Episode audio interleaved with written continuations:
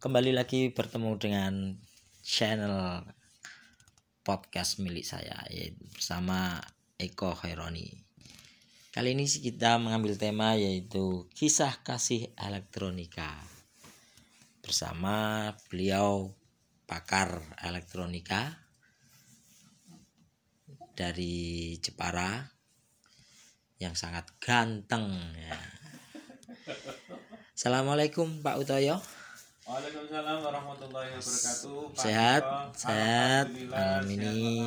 Pak Eko sehat. Alhamdulillah. Maaf mengganggu istirahatnya Pak Utoyo. Oke Pak, siap. Baik Pak Utoyo, kita di sini akan membahas tema yang tadi telah saya sebutkan yaitu kisah kasih elektronika Pak Utoyo.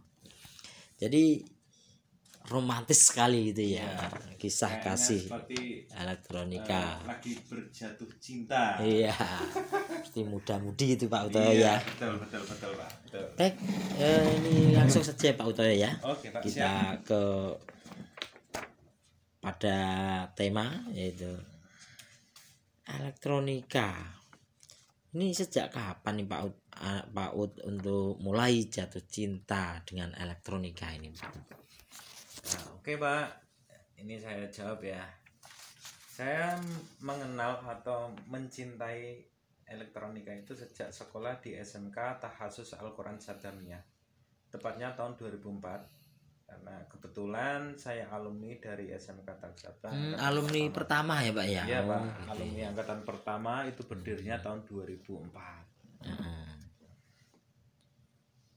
Terus kira-kira kok sampai dulu kok is- bisa sekolah ambil jurusan elektronika? Lah ini apa yang membuat tertarik ini? Eh, yang membuat saya tertarik awal mula itu heran Pak. Hmm, heran. Gumun. Oh, Heran atau gumun nih bahasa. termasuk Pak Utoyo orang gumunan Eh, gitu ya. Masalah zaman tahun 2004. Kagetan nggak Pak Utoyo? Iya, rada kagetan, Pak. Oh, gitu Wedinan. ya. Oh, iya. Masih dipoyoki mulane. Iya iya iya. iya. Eh, Iya, heran aja, Pak. Alat semacam itu ketika melihat televisi, melihat ampli itu kan, kok Iya. bisa ada suaranya ya. Terus kan Hmm. ada gambarnya ya. Jadi penasaran. Dari penasaran itu sehingga saya untuk penasaran itu saya mulai menekuni, Pak. Oh gitu. Iya. Jadi ada ada tapi ada barangnya ya, ada suaranya, ada barangnya ya Eh, ini. ya. Ada Jadi, suara, ada barang. Eh, tapi kalau ada suara nggak ada barangnya Wah, malah itu lebih aneh, lebih bahaya itu, itu, eh, ya. bahaya. Hmm. ada barang eh, saya mulai menekuni sistem bagaimana cara kerja dari alat tersebut gitu Hmm, awal mulanya gitu ya. Jadi awalnya tidak tahu, penasaran, terus, terus coba-coba, akhirnya berkenalan, eh, terus, terus kemudian ya ya. geluti jad- dan akhirnya jatuh cinta gitu cinta, Pak Pak. ya. Ya, ya. seneng akhirnya Hmm. sampai saat ini pun saya suka Heeh. Kira-kira ini kan ada ada opini ya Pak ya di di masyarakat ini. Ada yang mengatakan sulit, elektronika itu sesuatu yang sulit. Iya. Kemudian ada juga sebagian yang mengatakan elektronika itu mudah dan menghasilkan uang. Ini kira-kira mana yang betul Pak Utoyo? ya semuanya itu dari pemikiran mereka-mereka masyarakat secara umum memang ya kalau kita tidak menekuni sesuatu terutama di bidang elektronika itu mereka mengatakan sulit tetapi ketika kita sudah terjun Pak Insya Allah dengan belajar dengan mengamati dengan keseriusan Allah Insya Allah mudah untuk dipahami untuk apa itu? Juga menghasilkan uang Pak Utoyo. Oh, iya. Kalau sudah bisa itu Ya, bisa ya, menghasilkan betul, uang itu. ya. Untuk khusus untuk menghasilkan uang itu memang sudah menjadi rahasia umum, Pak. Istilahnya masyarakat sudah tahu bahwa alat elektronika kita bisa memanfaatkan jasa, Pak, terutama. Kalau Hmm. kalau jasa itu umum di masyarakat. Masyarakat itu umum jasa untuk memperbaiki ya memperbaiki alat elektronika bahkan membuat suatu alat misalnya membuat ampli membuat ampli untuk dijual misalnya membuat amplifier untuk masjid musola itu kan kita bisa menghasilkan uang dari situ Hmm, gitu. Lah selama ini uang yang Bapak peroleh gunakan untuk apa? Eh, Selain untuk kebutuhan hidup sehari-hari gitu, Pak. yang pertama memang itu dibuat untuk menopang hidup alhamdulillah cukup terus Ya. kemudian saya berpikir kalau Untuk saya stagnan di berpendidikan sini Pendidikan bisa ya, Pak itu. iya bisa dulunya itu saya hanya berpikir ah kerja dapat uang terus kebutuhan apa misalkan saya mau beli motor saya beli motor untuk eh, kebutuhan apa tuh dari alat tersebut servis jasa servis tapi saya berpikir gini pak saya masih butuh banyak ilmu saya masih butuh belajar bimbingan maka saya meneruskan memutuskan untuk sekolah lah sekolah di jurusan teknik elektronika di universitas yang insya Allah ternama gitu ya. Ya, ya, ya, ya. Eh, Paham ya di kota sebelah gitu Iya, ya, di Pak kota ya. sebelah. Dari situ eh, saya kuliah dan alhamdulillah untuk kebutuhan kuliah mulai dari perjalanan, Kemudian pembayaran semester dari semester 1 satu sampai, sampai alhamdulillah akhir itu ya. saya eh, dapat uang itu dari eh, pekerjaan saya itu.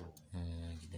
Lah menurut Pak Utoyo ini, ini bagaimana peluang kerja nih, peluang kerja untuk adik-adik kita yang mungkin saat ini sedang galau mencari pekerjaan. Nah, ini bagaimana sih peluang kerja di bidang elektronika terutama elektronika arus arus lemah nih ya Pak Utoyo ya. Ya, yang jenengan pelajari ya ini ya.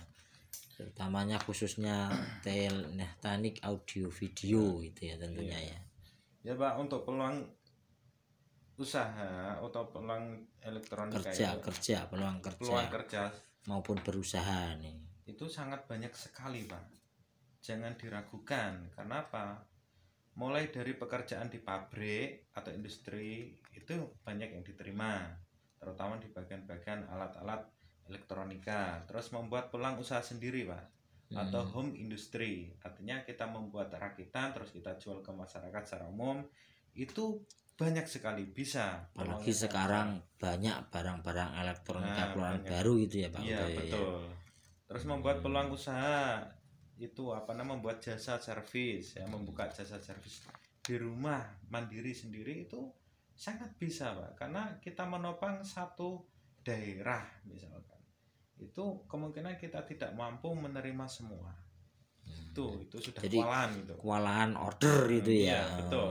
Dari banyaknya banyaknya order Iya. servisan, banyak order permintaan untuk nah merakit sebuah alat elektronika gitu ya. ya betul pak Ya, termasuk mod alat elektronika yang ampli yang gler gitu ya ya. yang clear itu Hmm. salah satu ampli itu diminati eh, beberapa eh, apa organisasi Hmm. terutama ndak yang sering itu di tempat-tempat apa itu nah perkumpulan di perkumpulan Hmm. atau tempat karaoke itu mereka membutuhkan amplifier yang geler itu Ya.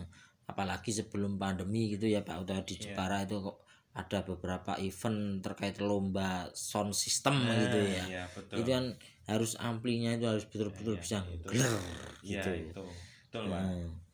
Nah, terus bagaimana ini prospek elektronika ini persaingan elektronika antara kemampuan manual gitu ya dengan di era digital yang sekarang serba canggih ya tadi tadi Bapak juga sebutkan itu ada ada alat-alat baru elektronika yang semakin banyak gitu ya. Nah ini prospeknya ini bagaimana ini? Oh, untuk prospeknya Ke depannya ke depannya gitu itu ya. bagus bagus sekali pak apabila apalagi di era sekarang ini pak Iya ya. setiap rumah atau eh, tidak terlepas dari alat-alat elektronika dan juga setiap orang tidak terlepas dari gadget pak ya Hmm. eh, terlepas dari apalagi di masa yang akan datang semua pekerjaan akan digantikan dengan eh, dengan alat-alat elektronika Elektronika. yang sangat canggih Jadi kalau kita tidak menguasai, kita tidak perawatannya kesulitan gitu Iya. ya Pak ya. Kita- Jadi jadi di sini jadi semakin ke sini eh, Bapak ini semakin mencintai gitu ya. Iya, mencintai dan bahkan Ki- Kira-kira ingin, ingin berpaling nggak itu dari eh, elektronika itu?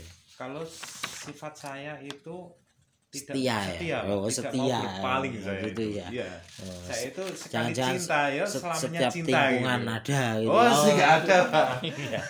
Oh, Oke, jadi kisah kasih elektronika yang Bapak alami yang di- di saat-saat ini itu memang luar biasa gitu Pak ya. Iya, betul. Jadi semoga ini nanti bisa menjadi pemicu adik-adik kita yang sedang me- me- mempelajari. Iya, mempelajari mereka elektronika. belajar elektronika, mereka berlatih elektronika, jadi menambah semangat mereka untuk meraih masa ya, depan yang akan datang, sehingga dari generasi tersebut kan bisa muncul generasi-generasi yang hebat, yang Ya, tangguh untuk men- betul di bidang elektronika gitu pak Pokoknya, ya. Kalau masuk di jurusan elektronika jangan takut peluang kerja. Insya Allah peluang kerja itu sangat luar biasa. Dan semakin membuat jatuh cinta Iya, gitu ya pak Yuda. jatuh cinta. Oke, terima kasih Pak Utoyo waktunya. Oke. Selamat malam dan Malam. assalamualaikum warahmatullahi wabarakatuh. Waalaikumsalam warahmatullahi wabarakatuh.